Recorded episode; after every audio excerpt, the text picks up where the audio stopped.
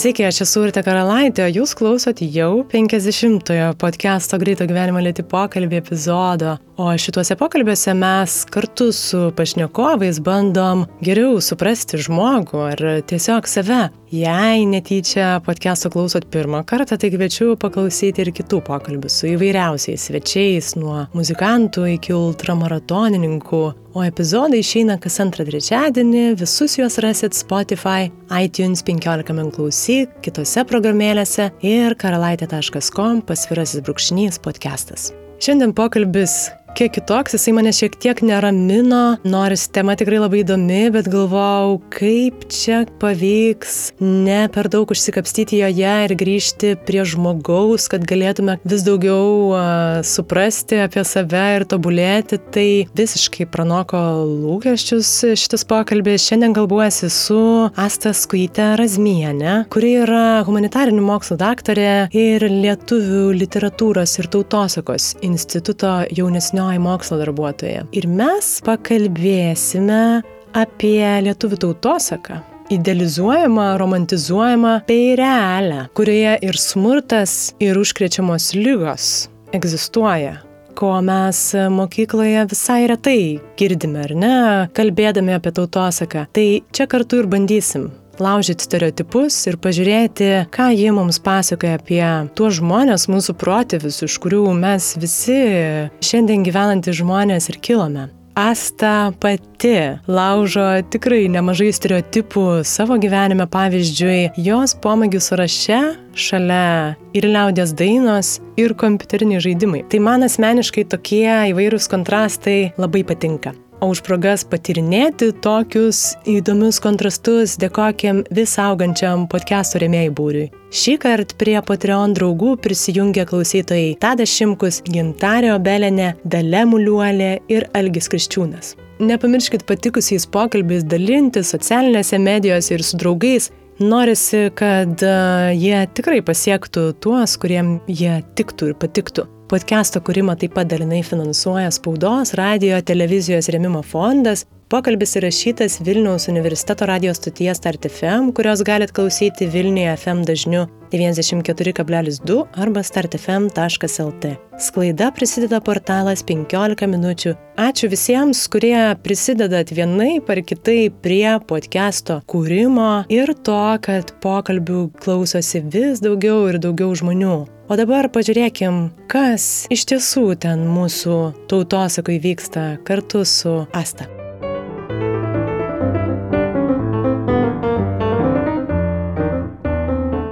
Tai vad pačiai pradžiai man ir norisi nuo pradžių pradėti, kadangi tu ir pati paminėjai va, tas tautosakos kelis veidus ir mes, mes tai turiu omeny turbūt didžiąją dalį visuomenės, ypatingai nelabai įsigilinusios į lietuvių tautosaką, ją suprantam, na taip, pasakos, liaudės dainos, bobučių juostos, tuoj dar galvoju, ką žinau. tai aš čia truputį šaržuoju, bet va iš tavęs ir norėtųsi išgirsti gal trumpai, tai ką visgi tautosaka apima. Gal taip pradėčiau ne nuo to, ką tautosaka apima, bet dar truputį, vat, ką tu paminėjai, norėčiau reaguoti tą, kaip tu sakai, siaurą suvokimą tos tautosakos, kad tiek ta pati žodinė tautosaka, kas ten pasakos, ar ten kažkokios myslės, ar patarlės, kurias mes vartojam irgi, tiek daiktiniai tokie dalykai, kurie kaip babučių juostas, kaip sakai, ir panašiai. Visa tai ateina toks irgi labai supaprastintas tas tautosakos e, ir liaudės paveldo. Čia norėtus man vartota termino, kurį mes su kolegom dėgiam dabar prigimtinė kultūra. Tai va tas siauras prigimtinės kultūros suvokimas, kurie apima, sakyčiau, ir tą žodinį paveldą, ir daiktinį paveldą, daiktiškai. Tai jisai ateina iš to, kad tiesiog mes e, nuo pat mažų dienų ar nuo pat mokyklos mes gaunam labai labai siaurą ir labai labai apkarpytą tokį, tos apkarpytus pavyzdžius be konteksto. Ir, pažiūrėjau, kai tu gauni pasaką be konteksto, arba kai tu gauni dainas be konteksto, nu tu žinai tą pasaką, tu žinai tas dainas, bet labai dažnai, kada tai buvo, pažiūrėjau, kada ta daina galėjo būti dainuojama, koks sąstatas ta daina dainuodavo, na kiek žmonių, ir tu nežinai to konteksto. Ir dėl to man atrodo, kad daugelis dalykų mums dabar šio laikiniam žmogui atrodo jokingi ar mes žiūrėsim į tos burtus vadinamus, ar, ar tos prietarus, kurie, nu, tikėjimais mes vadinam patys e, įsivardėm tyrinėtojai. Tu jo žiūri, tau jie atrodo jokingi, bet tai dėl to, kad tu nežinai konteksto ir 21 amžiaus žmogus nebegali suvokti tos logikos, loginių jungčių ir tos mąstysenos mes nebeturim tos pasaulyje žiūros, kurią realiai turėjo žmonės dar iki 20 amžiaus vidurio. Gal netgi iki, iki ir antros šiek tiek pusės, kai mes dar turim tokių rankraštinę Lietuvų tautosakos archyvę rankraščių, kurie, na tiesiog yra dvelkia, yra prikrauti senos tautosakos, tokių senų motyvų, senų tų tropų tokių ir taip toliau. Tos tikrai arhaiškos medžiagos, vadinkime taip. Ir dabar toks pat lūžis yra įvykęs ir mes nebesujungiam ir mes, pavyzdžiui, žiūrim ir, ir mums atrodo jokinga ir mums kai kurie kuriems atrodo liaudės kultūra atstovauja vyžos ir tautiniai kostiumai, bet yra, yra ne tai ir dėl to, kodėl žmonėm galvoju ir ta atmetimo tokia reakcija stipri kyla, nes nu, mes nesuvokiam to konteksto kad tautosaką pažintume tiek tautosaką, tiek tą materialų į paveldą, nes jis nėra vien tik rumšiškės, arba jis nėra vien tik babų e, skryniuose saugomos juostos ir dar prijuostės ar kažkoks babos ten jaunystės kostiumas tautinis. Na, mes turim tą kontekstą labai suvokti ir va čia, čia mes susidurėm su problema, nes dėl to, kad e, na, apie tai praktiškai nei mokyklose mokoma, nei universitetuose toj pačioje filologijų studijuojant turi vieną kursą ir viskas turi mini, kad apie tai ir nėra kalbama. Čia galima, aišku, ir daugiau sričių pažiūrėti, ir istorijoje turbūt rastume dalykų, kuriuos norima truputį užglaistyti ir paslėpti. Čia tie visi nepatogus, nemalonus, gal negražus. Galima ir taip sakyti. Čia be abejo, aš taip interpretuoju, taip. nes tu, tu lyg ir minėjai ir kažkokio tai ir smurto apraiškas, ir tos pačios užkrečiamos lygos tautosakai, kaip pasireiškia, tarsi norima piešti vat tą senovę ir tą tautosaką, tokia romantiška, gražu Taip. viskas. Ir su kuo mes čia susidurėm, aš pati labai ilgai kontempliavau šitą, šitą problemą. Ką aš dabar pati matau, kad visuomeniai ir, ir akademiniai, ir ne tik, mes tarsi turim tokius du polius, kaip yra žiūrima į tą prigimtinę kultūrą, į tą tokį etninį paveldą įskaitant ir tautosaką, tai yra arba ta visiška atmetimo reakcija, kad tai yra nugyventi dalykai, tai yra atgyvenę dalykai, tai yra neaktualu, mes esame modernų žmonės, judami prieki, nereikia čia tų skamba kanklių, nereikia čia nieko, kas čia kaimo kultūra veržys į miestą. Na, čia yra kita problema, galbūt ir prie jos sugrįšim mes pokalbio metu. Ir tada yra ta kita pusė, pavadinčiau, kas yra adoracija tokia, kuomet yra net kritiškai per daug nėra žiūrima į tuos dalykus ir yra toks ir mistifikavimas, ir romantizavimas, ir, na ir yra problema, kad nėra vidurio. O būtent, vat, ką tu vis paminėta realiją tautosakos pusę, na, ką mes galim rasti tokias nepatogias temas, tai jinai ir atsidurtų kažkur vidury viso to, jinai nuleistų kažkiek ant žemės, manau, tuos, kurie romantizuoja, bet kartu ir priartintų, parodytų, kad, na, nelabai iš tikrųjų mes ir skiriamės nuo tų žmonių, kurie gyveno prieš šimtą metų ir, ir net šiek tiek mažiau ir savo mąstyseną ir tom realijom, kurios vyksta mūsų visuomeniai ir kurios vyko tuo met. Ar smurtas šeimoje būtų tai ta pati abortų tematika ar, ar panašus dalykai, na jie vyko, tokie buvo, bet kadangi mes turim labai vieną kryptį tokį pateikimą nuo pat mokyklos, romantizuotą tokį, sakykime, tautosakos vaizdavimą, drįščiau sakyti, kad tai bent jau, kai aš pati prisimenu savo mokyklos programą, kurią baigiau jau prieš daug metų, bet, bet kažkaip manau, kad nelabai kažkas čia ir pasikeitė. Ir, ir tai, kad ten yra įterpiama kokia viena kita sakmė, kuri ten irgi apie laumės, na, mitologinės būtybės, bet realiai, pažiūrėjau, kad kokių tikėjimų ar atitirpti kažkokių tekstų apie, apie va, tas pačias lygas ar kažką ir parodyti, kaip žmonės, tarkim, gydėsi ar gynėsi galų gale. Ir šiek tiek to konteksto daugiau, aš manau, kad kažkaip atsiskleistų truputį tam šiuolaikiniam žmogui, jaunam žmogui, na ir ne, nebūtinai jaunam ir, ir vyresniam, tiesiog kiti aspektai šito temos, šito lauko. Bet tas ir traukia iš tiesų, suprantant truputį labiau kontekstus, tu natūraliai susidomi tuo. Ne tik, kad va, šiandien mokysimės tokią dainelę, čia išmokite žodelius, Turėjom visai neseniai tą pavyzdį, kur programoje atsidūrė šiurpė berots apie pirštelius. Taip. Tai skandalas. Ir žiotažas. Ar ne? taip, kad, taip. Kad negalima tokių dalykų ir kaip čia į tai žiūrėti. Tu minėjai, kad dalis žmonių žiūri tautosaką, matydami ją kaip neaktualią.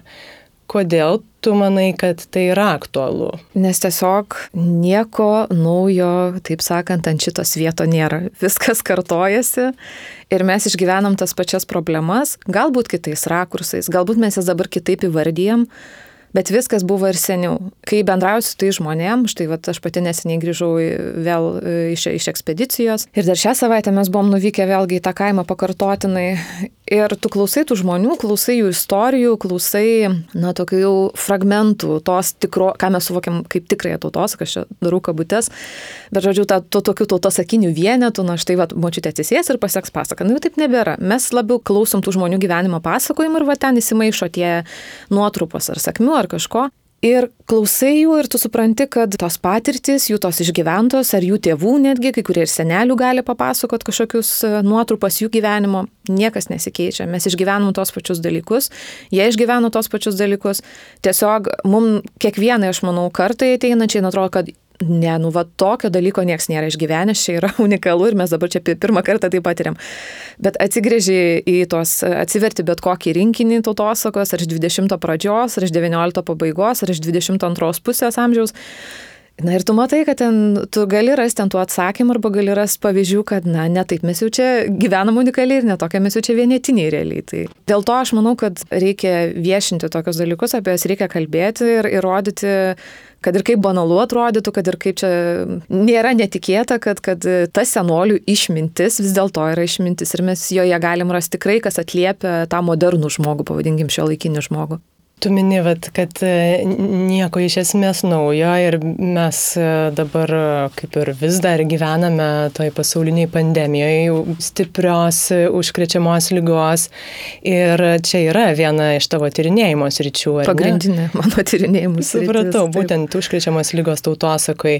Čia man įdomu būtų pažiūrėti tas santykis ir požiūris, mhm. kaip tu matytum, kaip keičiasi, tai aš ir pastebėjau iš to, ką tu rašius apie tai, kad bendrai tokios vat, mirtinos lygos, jeigu galima apibendrinti, buvo kažkaip labai aukštinamos hierarchiškai tam tikrą prasme ir tarsi nenugalimos ir Dievo siūstos kodėl jisai tuomet toksai ir kaip gal keičiasi mhm. mūsų santykis. Tai čia irgi reikia pradėti duoti tą kontekstą, kad, na, aš savo tyrimuose ką analizavau ir, ir ties ko ir dabar dirbu, tai yra, kad lietuviai, senovės lietuviai, lygas, bet ypatingai užkrečiamas, kad jie suvokė kaip būtybės, kurios turi kūną, kurios turi valią, kurios gali vaikščioti, gali bendrauti su žmonėmis ir, ir dėl to jos, na ir, ir kitų tyriejų prieš mane, kurie tai yra užkabinę kažkiek, praktiškai jos buvo gana aukštoj mitologiniai, hierarchiniai pozicijoje, praktiškai dievybės. Dėl to va, tų lygų, na, jų buvo bijomasi, su jomis buvo elgiamasi pagarbiai ir vienintelis, na, būdas, kaip tom lygom pasipriešinti, tai buvo bandyti jas pergudrauti. Jeigu mes bandytume rasti tos e, racionaliosios medicinos ir vėlgi aš noriu dėti kabutės e, apraiškų, tai taip buvo augaliniai įvairūs vartojami preparatai, pavadinkim taip. Tačiau pagrindė vis tiek tai buvo mitinė logika, grįstos apsisaugojimo priemonės. Dabar, jeigu žiūrim į šio laikinį tą kontekstą, na, mes nebe mitologizuojame tam tikrais aspektais. Mes nebe mitologizuojam šito COVID-19, šitos korona, koronaviruso atmainos, Mes suprantam, kad tai yra, yra virusas, mes netgi žinom, kaip tas virusas atrodo ir, ir vaikai žino, kaip tas virusas atrodo. Aš nekartą jau pro savo daugia būti ir, ir ant šalygatvio plytelių pripiešta yra koronaviruso schema, galima sakyti. Mes suvokiam, kas sukelia šitą susirgymą. Tačiau, kas aš matau labai sujungia tą senąjį e, klodą ir dabartinę situaciją, tai yra ta nežinomybė.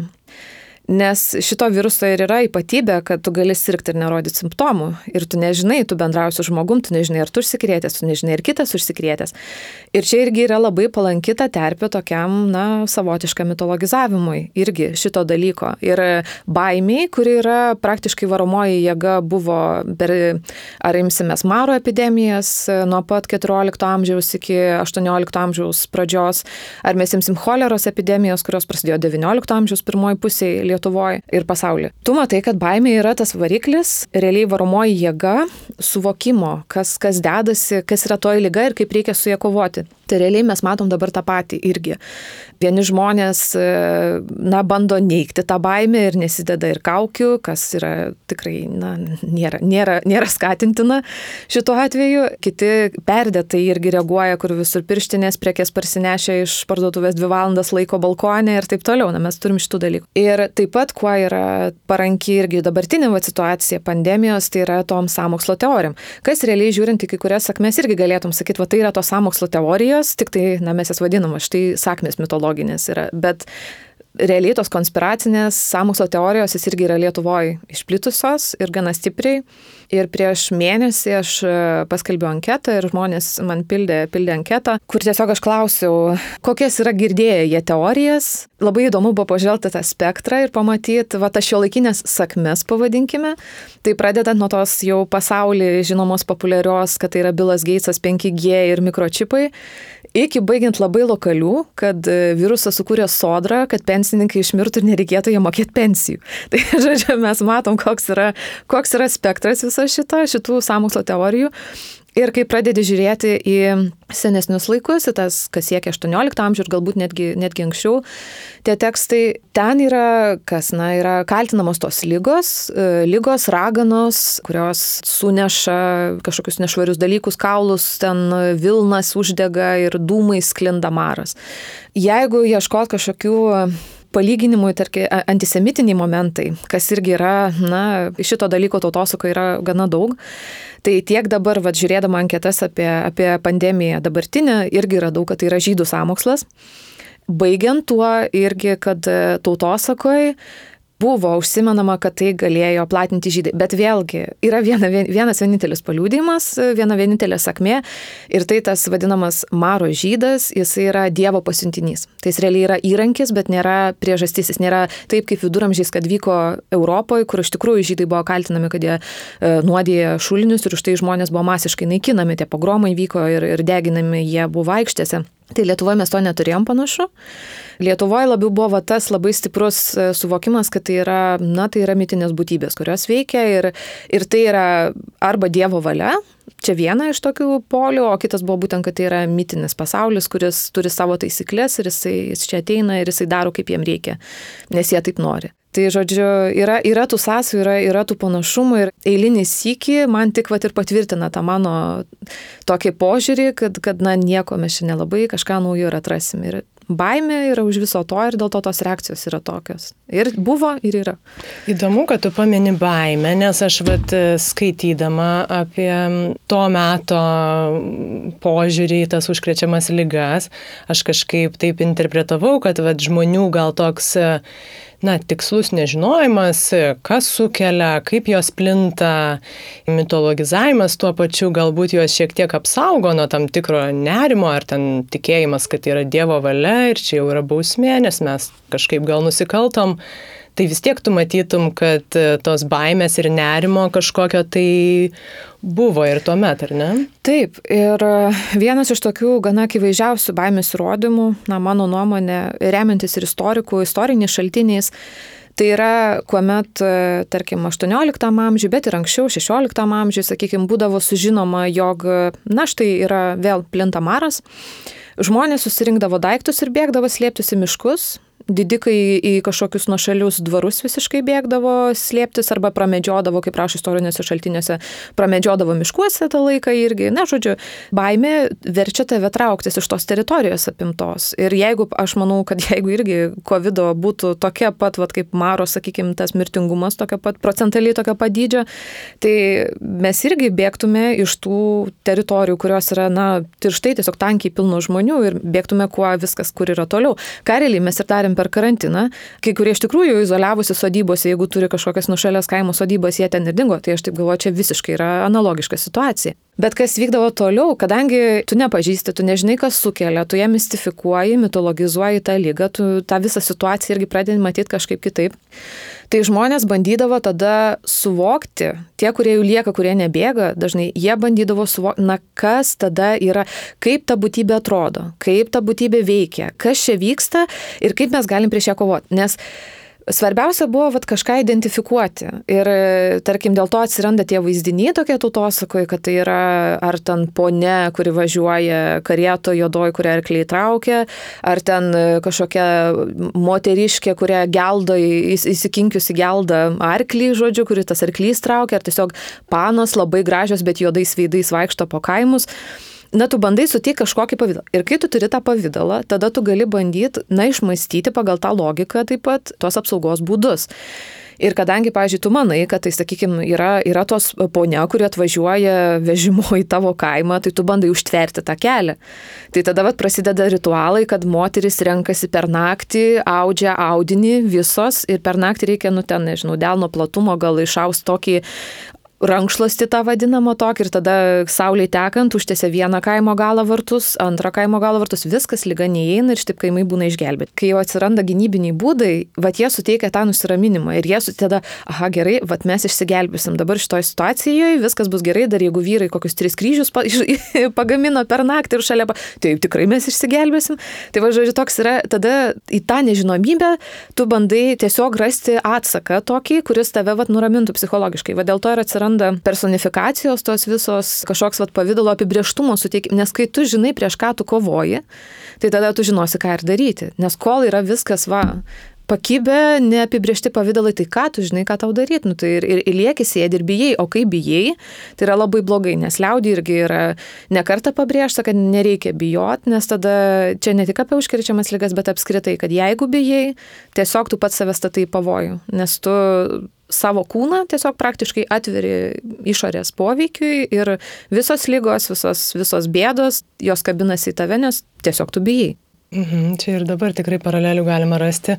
Dar tai pagalvojau, lygiai tokia pati paralelė ir sąsaja su dabar būtų su tom samokslo teorijom, kad tarsi toks vat, lengvas, greitas atsakymas, na kaip tuo metu mitologizavimas ir čia kažkokios ponios nusipiešimas Tai ir čia, kai greitai viskas labai aišku pasidaro, tu tarsi nuramini save tuom. Taip. Gal to žmonės griebėsi, kad truputį aiškiau, paprasčiau. Dar noriu truputį grįžti ir prie mhm. stereotipų ir antisemitizmą tu minėjai, nes tų tokių kategorizavimų radau ir vat, tavo kažkokiuose tekstuose, ką skaičiau ir turbūt tiesiog pažvelgus atgal matom, na ir karuose, tai buvo aišku, mes jie, savas svetimas, žydas, krikščionis, tai tokių skirstimų tikrai nemažai jeigu žiūrint taip į vad, Lietuvos, e, mūsų krašto tautosaka, kaip anksti yra gal pastebimi tokie grupavimai ar, ar atstumimai kažkokių tai grupių, nežinau, ar lygotų žmonių, tai čia daug priežasčių. Na, šitas savo svetimo, savų ir kitų, tas skirstimas, toks dalymas, jis yra nuo pat seniausių laikų, tik nebejotinai. Nes labai svarbu apsibriežti, kas esu aš, kas yra maniškiai ir tada, kas yra kiti. Ir tų tokių skirstimų, bet kokiu pagrindu, kaip tu sakai, ar, ar etniniu pagrindu, ar religiniu pagrindu, ar sveikas, lygotas, tokių aspektų skirstimų, na, jų yra daug ir, ir, ir tuo viskas yra, yra paremta paremta liaudės kultūroje šitoj tautosakoje yra iš tikrųjų na, daug liūdėjimų tokių ir, ir tų tekstų, kurie va, tai ir, ir parodo, kad tas savo, savo svetimo skirtis, na, jinai įsišaknyjus ir jinai viena iš tokių, sakyčiau, gal pamatinių, nes tu žinodamas, kas yra svetimas, tu apsibrėži, kas tada esi tu ir, ir čia yra tiesiog tokie labai, sakyčiau, pamatiniai dalykai. Bet e, aišku, tada kyla įtampos įvairios. Ir e, viena tai yra, kai tarkim kokie rupsuotai būdavo atskiriami nuo visuomenės ir, ir, ir, ir tarkim jie gyvendavo už miestų, ar tiesiog turėdavo įspėti visus varpeliais, tarkim, kad jie ateina, kad visi pasišalintų, nes, na, čia jau tokia stigma iš tikrųjų visam, visam gyvenimui. Bet, e, tarkim, etniniu pagrindu, kas vyko, na, čia yra, yra kas kita, tai yra dėl to nepažinumo, nes tu taip pat, vat, kaip, kaip tų lygų nepažįsti, tai tu realiai atskirdamas kitą grupę, tu dažnai ir, ir net nesivargini pažinti, kas ten vyksta ir tau jie tiesiog atrodo kiti ir viską, ką jie daro, yra keista, yra nesuprantama, yra mistifikuota ir galų gale gal net ir pavojinga. Ir tada tokiais atvejais, kaip, pavyzdžiui, vat, minėti ten viduramžiais e, maro tie pirmieji protrukiai, na tada pradedam žinoma, grėžtis ieškotų atpirkimo už jų vadinamųjų tų kaltininkų. Ir, ir kas tada iš karto dėmesys krimpa į tas marginalizuotas arba į tas kitas grupės, ar tai būtent jos būtų ar etninio, religinio pagrindo, ar tiesiog kažkokie sociumo marginalai, ar tos pačios prostitutės kažkokios, ar netgi buvo Anglijai, pavyzdžiui, kuomet e, Maro buvo didžiosios epidemijos 17 amžiuje berods, tai teatralai kentėjo, nes irgi čia nebuvo laikoma labai rimtų užsiemimų. Na, žodžiu, tai vad tokių dalykų yra ir, ir juos fiksuojam ir Lietuvoje lygiai tas pats. Ta prasme, mes visiškai šitam kontekstą mes nieko nesiskiriam, sakyčiau, na, daugeliu aspektų mes nelabai ko skiriamės nuo likusios Europos. Tik tai, vat, kas su kuo yra įdomu, kad e, jau konkrečiai ten Maro kontekste, tai vat, nebuvo žydai pas mus laikomi kaltininkais. Jie atsiranda kitose sąsojose su kitom lygom, kas irgi yra įdomu kad jie yra ten ir su drugiu siejami, drugio lyga, na, malerija, dar kitos yra kiti naratyvai.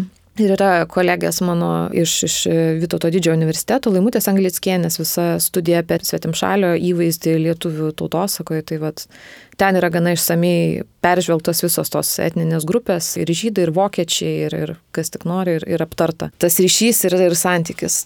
Čia vat ką aš girdžiu iš tavęs, kad e, visos tos grupės ir jų atstumimas ar kaltinimas yra tam tikram savo saugumui kurti, kad tu ieškodamas, kas kaltas dėl kažkokios tai mano negandos ir jausdamas, na, tą pavojų ar lygos, e, tu iškartam kitam suverti kaltę. Aš sakyčiau, kad čia yra nesaugumas, bet čia yra e, kalties permetimas.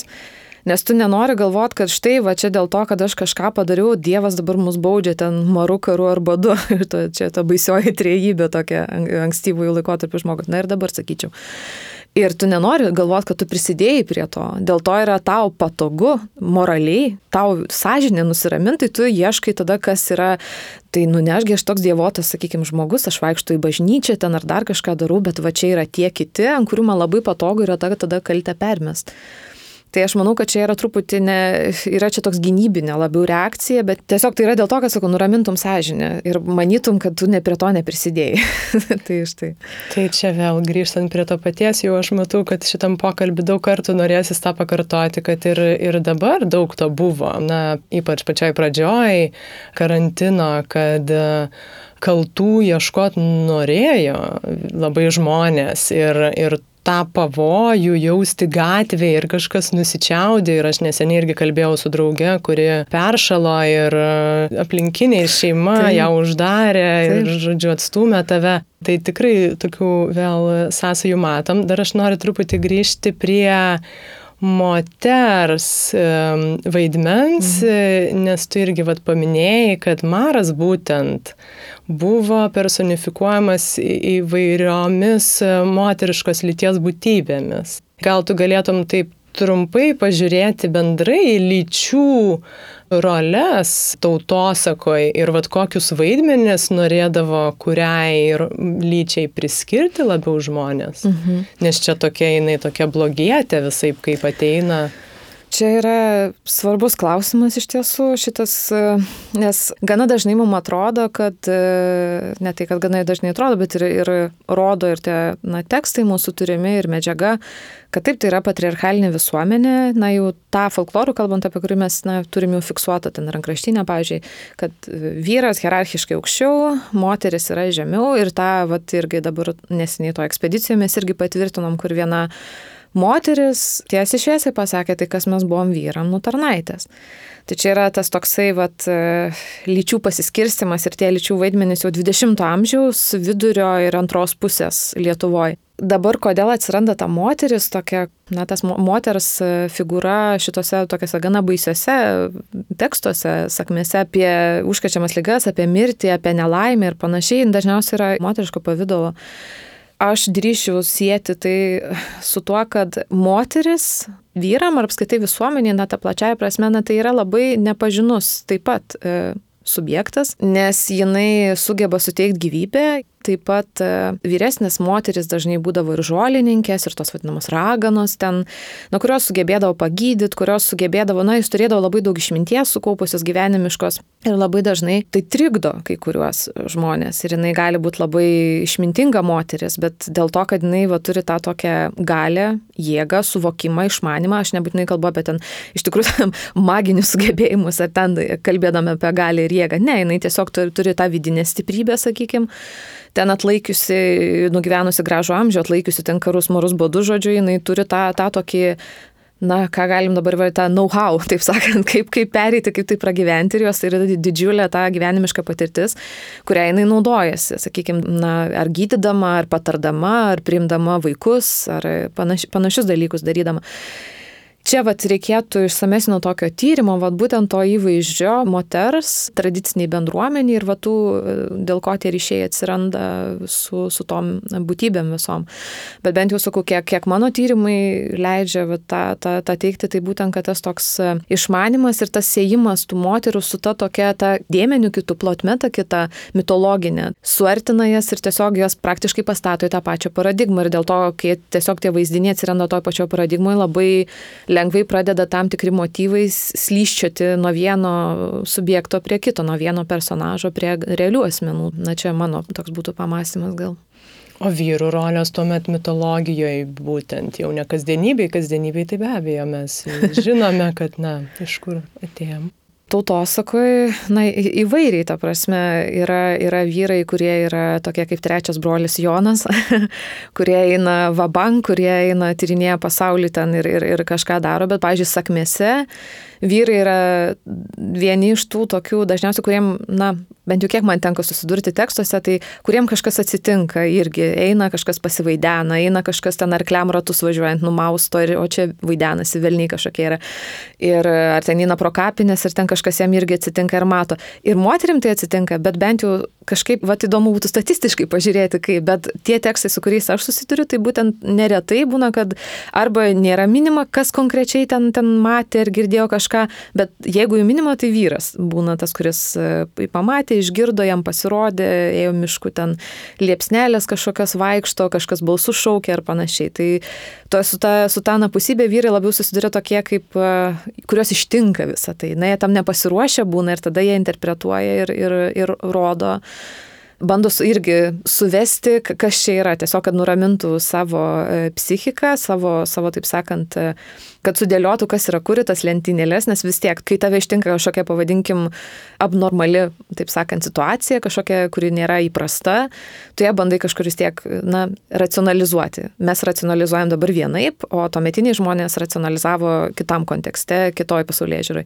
Tai jie tiesiog iškart bando suvesti, aha, liepsnelės, tai čia tikriausiai tas, arba balsų šaukia, tai čia irgi lyga gali šaukti balsu, arba ten pristojo kažkoks vyriškis neaiškus, nu tai čia jau velnas, matyt, va čia pelkė netoli yra, tai viskas aišku, kur čia susiveda. Bent bent jau mano požiūriu, kad vyrus taip ištinka ta anapusybė ir ta, tas kitas, tas mitologinis dėmo. Aišku, bet čia, sakau, vėlgi reikėtų tokio išsamesnio tyrimo, nes mano ta tyrimo pačios rytis apsiriboja šiek tiek kitais tais aspektais. Bet, bet iš to, ką tu dabar sakai, tai atrodytų, kad vyras yra to tokio labai realaus, racionalaus pasaulio atstovas ir jisai eina per gyvenimą ir vat, kažkokie tai mistiniai dalykai jį ištinka. Ir... Ne, nebūtinai, nebūtinai, ne.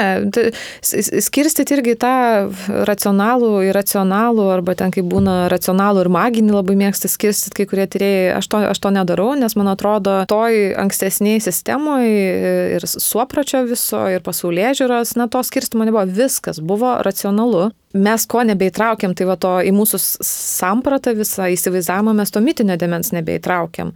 O jie įtraukdavo ir tiesiog atrodė, tai okei, okay, mane čia ištiko kažkokia patirtis neaiški, tai čia, tai čia bus va iš tos operos tada. Tiek moteris, tiek vyrai, jie bandė kažkur tą patirtį padėti, kažkur ją patalpinti valstietis toksai, sakykime, na jis negalėjo, nes vis tiek tai yra tautos, yra daugiau mažiau valstietiškas paveldas, Tai reikia turėti omeny, kad seniau tas bendruomeniškumas jis buvo visiškai kitoks negu dabar, nes mes dabar esame visiškai individų kultūra, esame individų visuomenė, paskirų žmonių.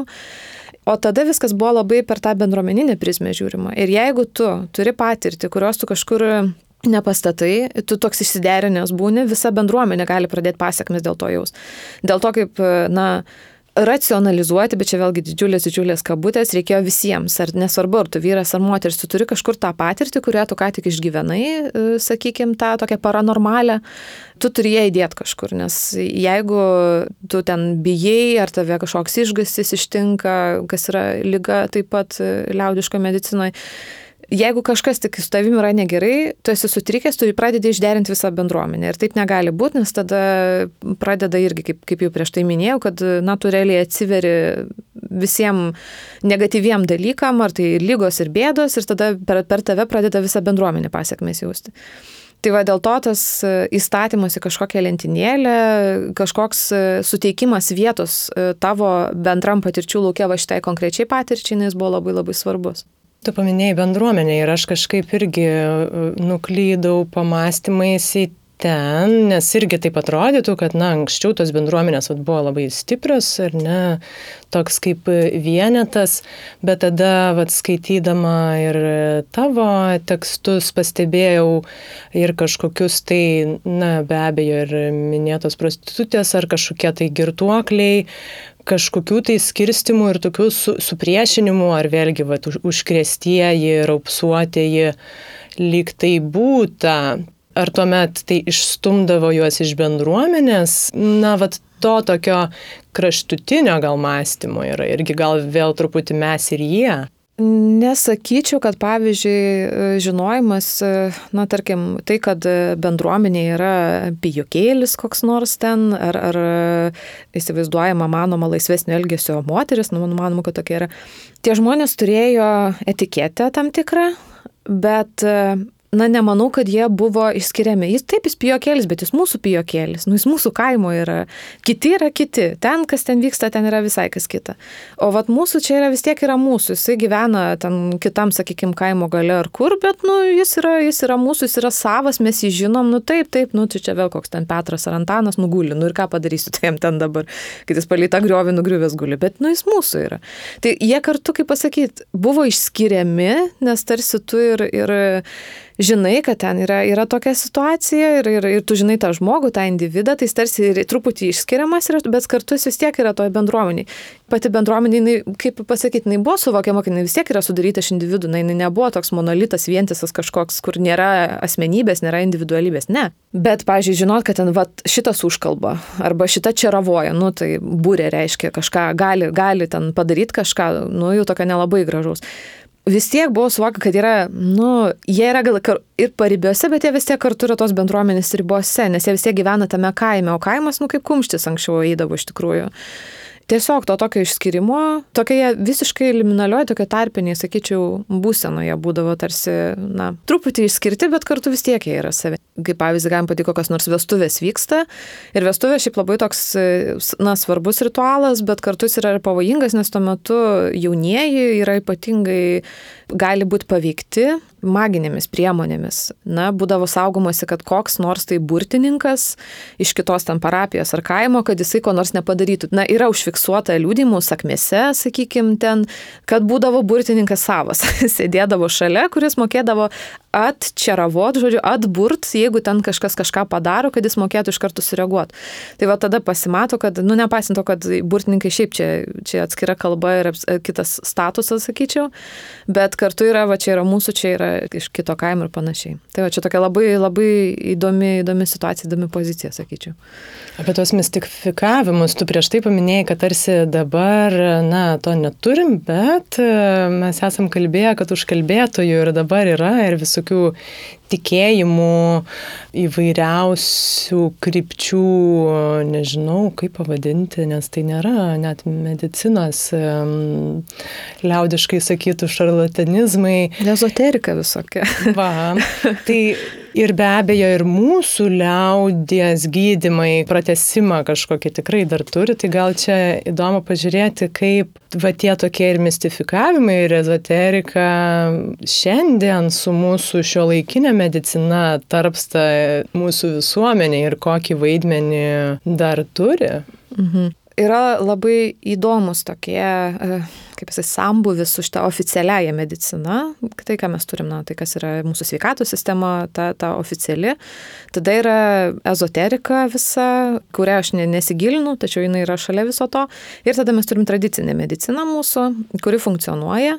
Ir jinai pati, ta tradicinė medicina mūsų taip pat sudaryta yra iš įvairių, na, dėmenų, sakykime. Ir viena iš tų, ką tu paminėjai, tai yra užkalbėtojai. Tai tradicija, kuri gyva ir dabar yra. Ir yra labai įdomu girdėti žmonių liūdėjimus. Štai jie nuvyksta pas gydytoją ir, pažiūrėjau, serga rože ir jiem pasako, kad ne, jūs geriau ieškokit užkalbėtojo, mes čia nieko nepadarysim. Ir tada ten močiutė, moteris arba vaikas, tarkim, jeigu ką veža jį pas kokią randa užkalbėtoją kokiam nors ten rajone, nuveža, užkalba ir štai pagyja, susitvarko viskas. Tai vat, yra labai ir tokių pasakojimų, nu, yra, yra, mes užrašom dauganą ir, ir tie yra tie patys žmonės, kurie liūdė, kad štai man gydytoja pasakė, aš ir važiavau, arba kiti, kurie perpasakoja, kad ten mano kažkam kažkam ten taip, taip pasakė daryti. Tai va čia yra labai toks įdomus santykis ir, ir galvoju, kiek tai iš tikrųjų vyksta. Na, įdomu būtų sužinoti, kiek iš tikrųjų medikų referuoja ir sako, nu, bet jūs gal ieškokit užkalbėtojų. Na, čia, čia toks vat yra. Bet ką mes liūdėm, ką mes girdim iš žmonių, kad, kad yra, žodžiu, vat, šituo aspektu, va, šitos vienos lygos, rožės e, klausimų, tai yra vat, jungtis tarp, tarp oficialios medicinos ir tradicinės. Daugiau, ką mes turim, tai yra na, ta etnoformacija, etnobotanika, tai yra žolininkystė, augalai ir, ir mes turim čia tų žmonių, kurie, kurie tai daro. Vieni tai yra perėmę iš tradicijos, kiti yra išmokę ir, ir pritaikę.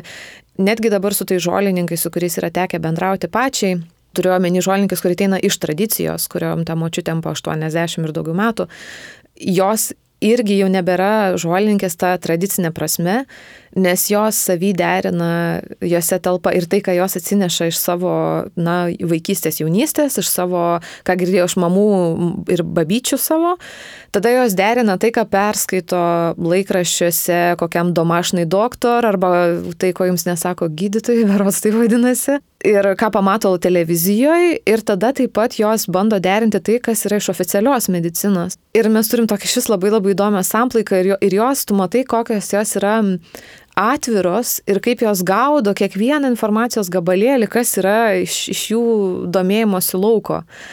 Per jas, va būtent per tas tradicinės šio laikinės, tas žolininkės, atsiskleidžia, va tu matai tą samplaiką, kad jau to tokio tradicinio, tradicinio mes jau, jau ko gero, nežinau, sudėtinga būtų rasti tą žmogų, kuris tik iš tradicijos ima ir, ir neįsileidžia jokių, kas per medijas yra informacija gaunama, bet va šitie atvejai yra savai įdomus, kaip jos integruoja ir atsiranda arsenale vaistai nuo vėžio, atsiranda ten įvairūs gydimo būdai ir panašus, tai žodžiu, kaip yra sintetinama tos kelios tokios e, medicinės sistemos, sakykim.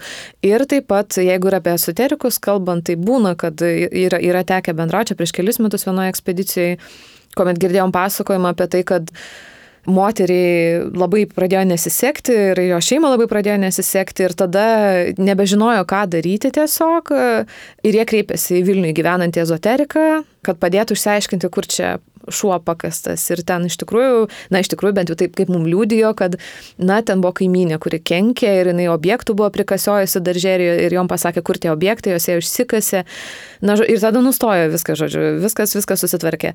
Seniau tai žmogus iš tikrųjų būtų ėjęs pas, pas savo ten kaimo kažkokį, kuris yra žinoma, kad ten užsieminėja tokiais dalykais, o štai dabar važiuoja tą funkciją, sakykime, iš dalies perėmė ezoterikai Vilniui. bent, jau, bent jau tuos mums mini.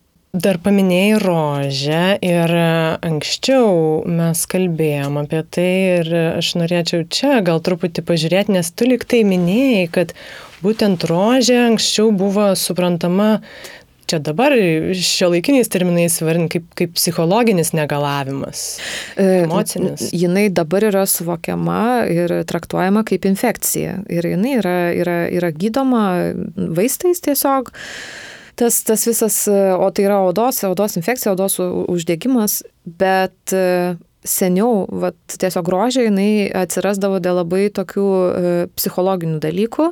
Ir vienas iš jų, pažiūrėjau, yra išgastis, jeigu žmogus labai stipriai kažko išsigasta ir, ir jis to nieko nėra daroma, jeigu tas išgastis nėra gydomas, jeigu jis nėra su juo tvarkomasi, Tai šita būklė, jinai transformuojasi ir jinai gali transformuotis į rožę, dėmė, kuri atsiranda ant kojos, ant rankos, ant veido, arba, pažiūrėjau, kokį drugį, tai yra tą krėtimą, tokį drebulį didžiulį ir yra tautosakoje tekstų, kad štai net ir miršta žmogus nuo, nuo viso to. Tai kaip matom, kad realiai tos rožės ištakos liaudį buvo suvokiamas kaip tokia, na, tiesiai nepasakome, supranti, kad e, išgastis, na, yra tas, tas didžiulis stresas patirtas žmogaus, na, tiesiog, ir, ir tu nėra tvarkomas su to psichologinė plotme ir tada tai peraugai tą jau tokį psichosomatinį lygmenį visiškai, kuomet jau turim tą manifestaciją tokia jau, kur, kur, kur yra susirgymas jau kažkas. Bet lygiai taip pat, kadangi liaudė buvo tikima, kad rožių yra ten galybė ir 27 ir ten 99, Tai tada labai priklauso, kokia ta rožė yra, nes gali būti ten ir ugnies rožė, ir vandeninė, ir lėkiančio, ir kaulų, ir ten vidurių, ir kokią nori. Panašu, kad galėjo skirtis ir priežastys, kodėl neatsiranda, nes, pavyzdžiui, ten galėjo labai sušalus irgi rožė atsirasti, arba ten, na, bent jau ką mums, pavyzdžiui, bet ir per paskutinę ekspediciją, ką mes gavom kokius tvirtinimus, tai kad, na, tikriausiai, kad sako, ai, sirgau, nes turbūt sušalau labai, ar peršalau, ar kažkas tokio. Na, jie va, va tokias priežastis deklaruoja. Bet realiai vis tiek pažiūrėjusi tas žmonių gyvenimo sąlygas, ten ir panašiai, na, tu matai, kad tai galėjo, galėjo iš tikrųjų būti ir trauminės patirtis, labai sunkios, sunkios e, psichologinės išgyvenimai dideli labai stiprus, kurie paskui transformuojasi į tą psichosomatiką. Lygiai kaip ir dabar, pavyzdžiui, žmonėms taip pat, e, na, mes gyvenam be galo didžiuliam streso ligmenį e, dabartinė visuomenė. Tai irgi visos tos visi negalavimai, visokie nervų uždegimai, ten vidurių problemos, galų galiai ir tas pats vėžys, jisai išsivysto iš, iš to, kad, na, tu, tu nuolat gyveni to įtampoje. Tai Ir mes matom, kaip per tas psichologinę įtampą, jinai kaip virsta į tą psichosomatinę. Labai panašiai ir, ir, ir seniau buvo. Tai va, įdomu, tu paminėjai išgasti emocijas tuo met ir apie tvarkymasi. Kiek jie suprato apie va, šitą savo asmenybės, būtybės lygmenį ir, ir ką jie darydavo su savo emocijomis? Aš pasakyčiau, kad e, seniau žmonės turėjo, kad ir netokį, kaip mes dabar bandom apmastyti ir artikuliuoti, pažiūrėjau, ką aš jaučiu, kaip, kaip aš jaučiuosi, kokia čia mano dabar būsena yra ir panašiai, na mes bandom taip reflektuoti, bet man atrodo, kad senoviai buvo daugiau to tokio pajūtimo, kad va dabar man reikia, pažiūrėjau, dainuoti. Ir tu nori dainuoti ir tu dainuoji. Ir tu kalbi su to žmogumi ir jis kalba apie tai, kad, pažiūrėjau, ten e, žuvo sunus ir, ir aš tiesiog išėdavau į mišką ir rėkdavau arba dainuodavau.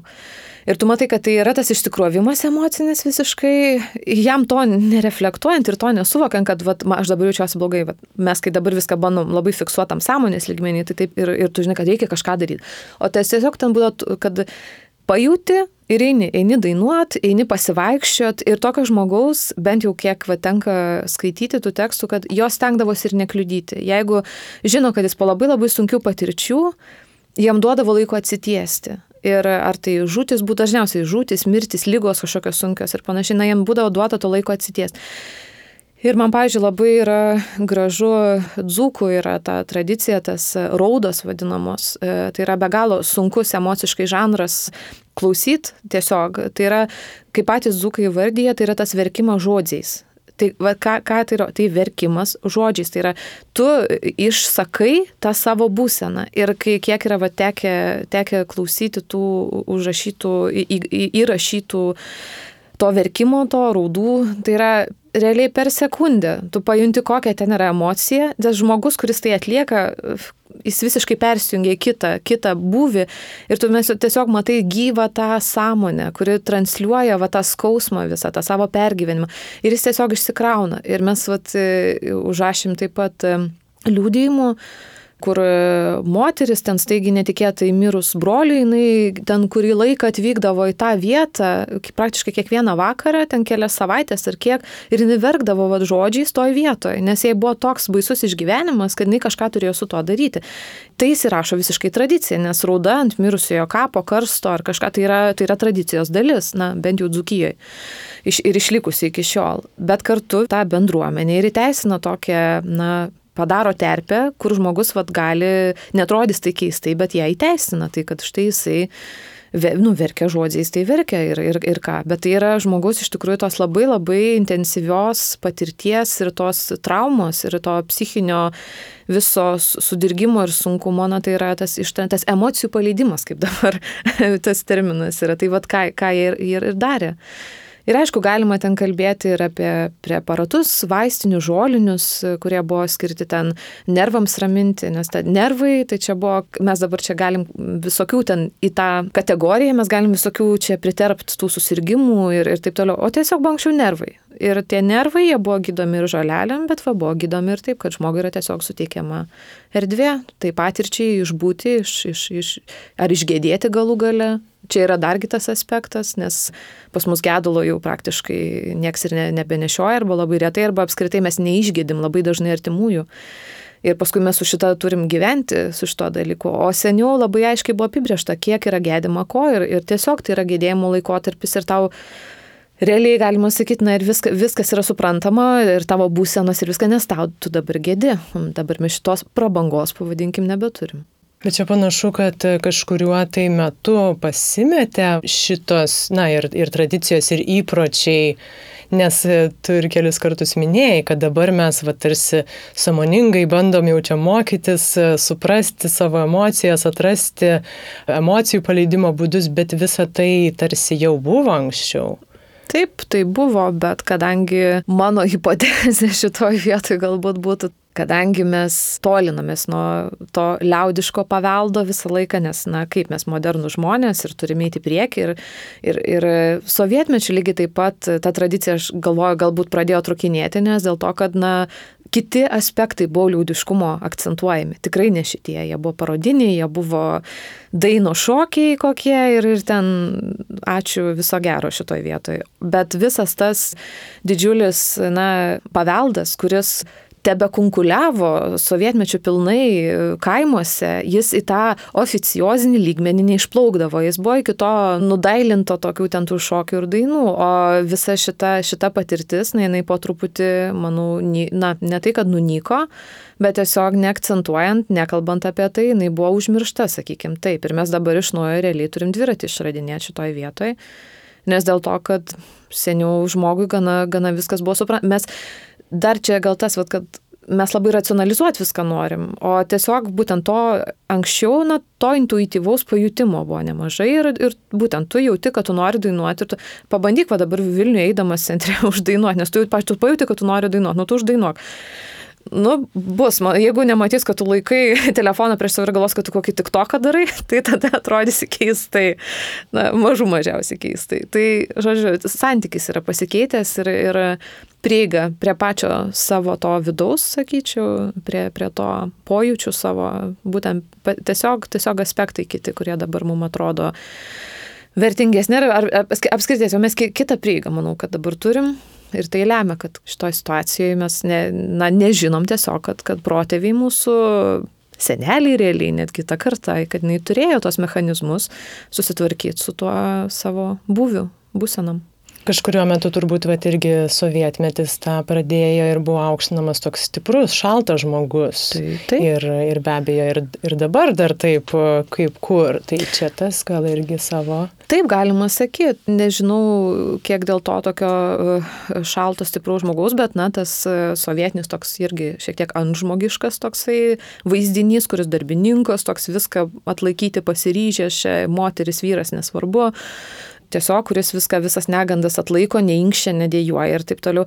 Kažkiek to ir mūsų ta prigimtinė kultūra turi. Na, nėra lietuviai jau tokie irgi labai patižę, kad čia galvotume, kad jie čia vyrukauja ir taip toliau. Ne, ne, yra tvirti žmonės, tiesiog jie intuityviai turėjo tos mechanizmus, kurių tos emocijas tvarkė. O, o kadangi na, pasikeičia laikai, pasikeičia režimai, pasikeičia samprata, ta pati žmogaus samprata, tai va ir turim, ką turim ir turim tą paveldą tokį, kuris yra sumišęs, nes, sakau, mūsų senelių yra dar kitos patirtis, mūsų tėvų kartos jau vėl kitos patirtis yra, mūsų dar kitokios ir toks, va, plyšiai tokie atsiranda tarp kartų.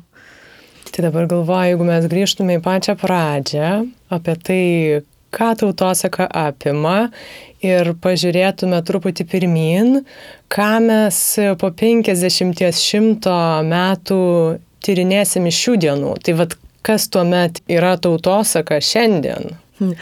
Čia geras klausimas, nes kai manęs paklausia, kas nors, na ką, aš veikiu gyvenime ir panašiai, ir pradedi pasakoti ir pasakai, kad tu ten dar važiuoji, renki užrašinėjai tautosaką, visų nustebimas būna, o tai, o tai čia dar yra ką rinkti, nes tas mūsų tautosakos suvokimas jis yra, kad tai yra praeities dalykas.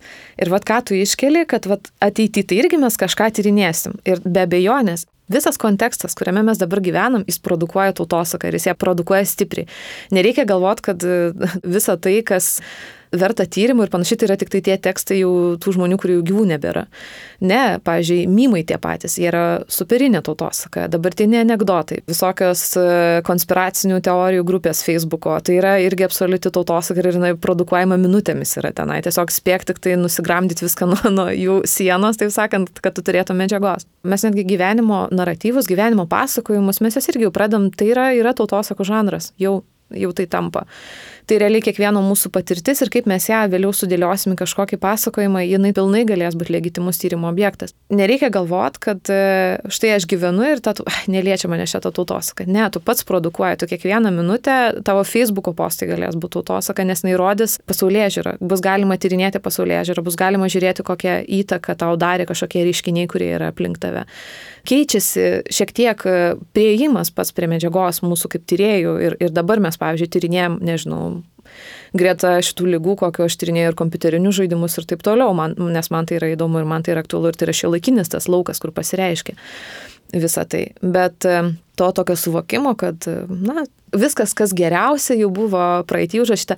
Taip, bet tai yra tų žmonių, tų laikų, šimtmečių e, tekstai, mintys, pasaulyje žiūrė, kurią mes bandom kaip tyrėjai rekonstruoti, kad suvoktume tą pilną vaizdą, nes, kaip jau aš minėjau pokalbio pradžioje, kad, na, tekstai be konteksto yra pusė tik tai tavo tyrimo objekto. Tai šituo atveju, šitam medijos informacijų technologijų laikotarpį mes turim visas galimybės turėti ir tekstą, ir kontekstą. Tai yra tyrinėjama dabar ir tai bus tyrinėjama ir po 50 metų. Ypatingai, vad pandemijos šitas visas kontekstai ir, ir folkloras, kurį mes išprodukuoja mes kiekvienas ir organizacijos įvairios, kurios dėl vienų ar kitų priežasčių, sakykime, nori skleisti tam tikrus e, pasakojimus. Folkloras nemiršta, kol žmonės gyvena, vienareikšmiškai.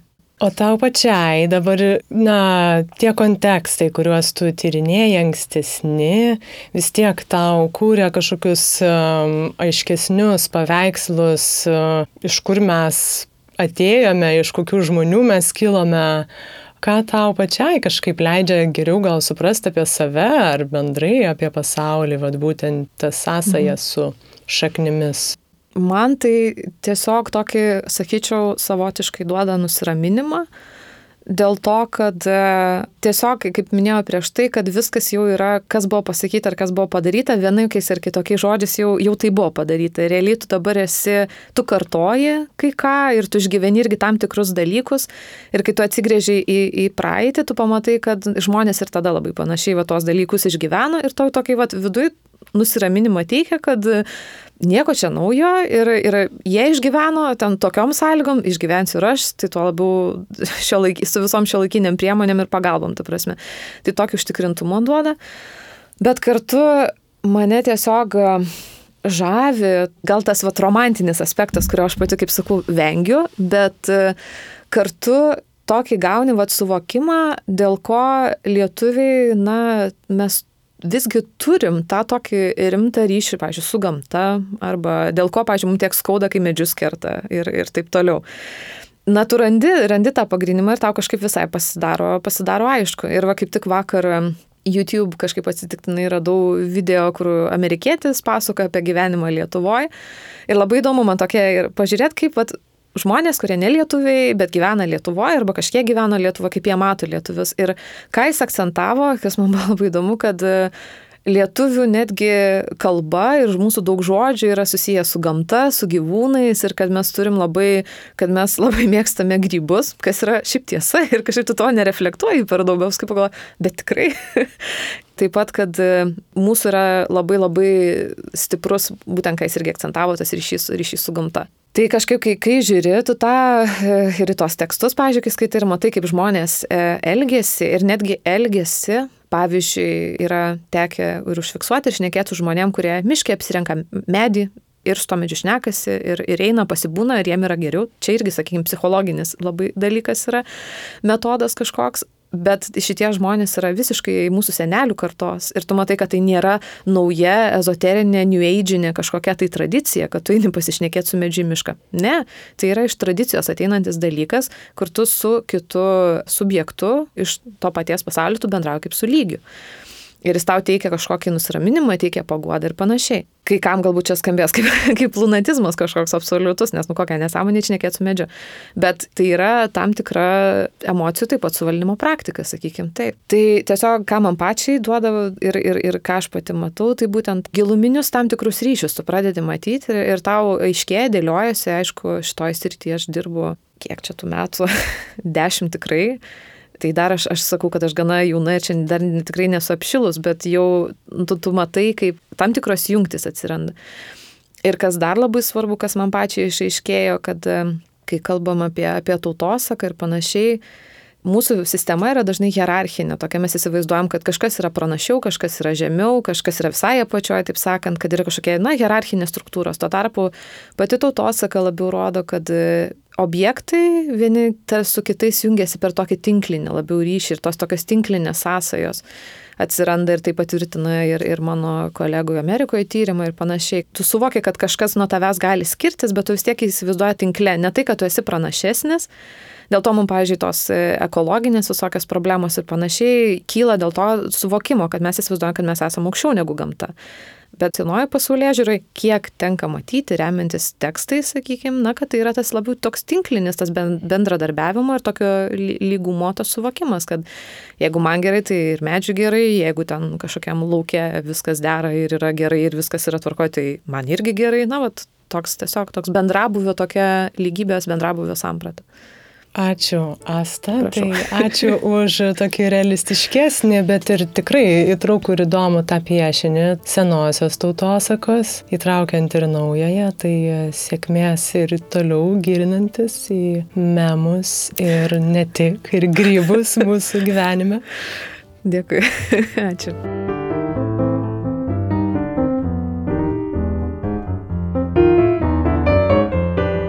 Ačiū, kad jau 50 epizodą išklausėte iki galo. Man šitas pokalbis, oho, kaip patiko. Atrodo, kiekviename sakinyje išgirdavau viską nors naujo ir tokius e, atradimus ir išjudinimus aš tikrai labai vertinu. Žinoma, galbūt ir dėl to, kad mano pačios suvokimas apie lietuvių tautosaką buvo iš tiesų labai siauras. Ta tenka man pripažinti ir gera kažkaip ir pačiai priminti, kad būtent podcast'o pokalbiai ir čia sutikti žmonės tikrai išjudina ir padeda tobulėti. Nepraleiskit naujų epizodų, sekdami podcastą Instagram ir Facebook paskyrose arba prenumeruodami jį audio platformose. Podcast'o kūrimą dalinai finansuoja Spaudos, radio ir televizijos remimo fondas ir daugybė jūsų. Tai ačiū už tai, kad galim kalbėtis, mąstyti, nesutikti, kvestionuoti, nebijoti nepatogių temų ir judėti pirmin. Nepamirškit pokalbiais dalintis, kad ir kiti galėtų judėti kartu su mumis. Nebijokim nepatogių temų, nes tikriausiai tik taip galim pažinti save ir kitą. Su jumis podcastas Greito gyvenimo lėti pokalbiai ir aš, kaip visada, Urte Karalaitė. Iki kitų kartų.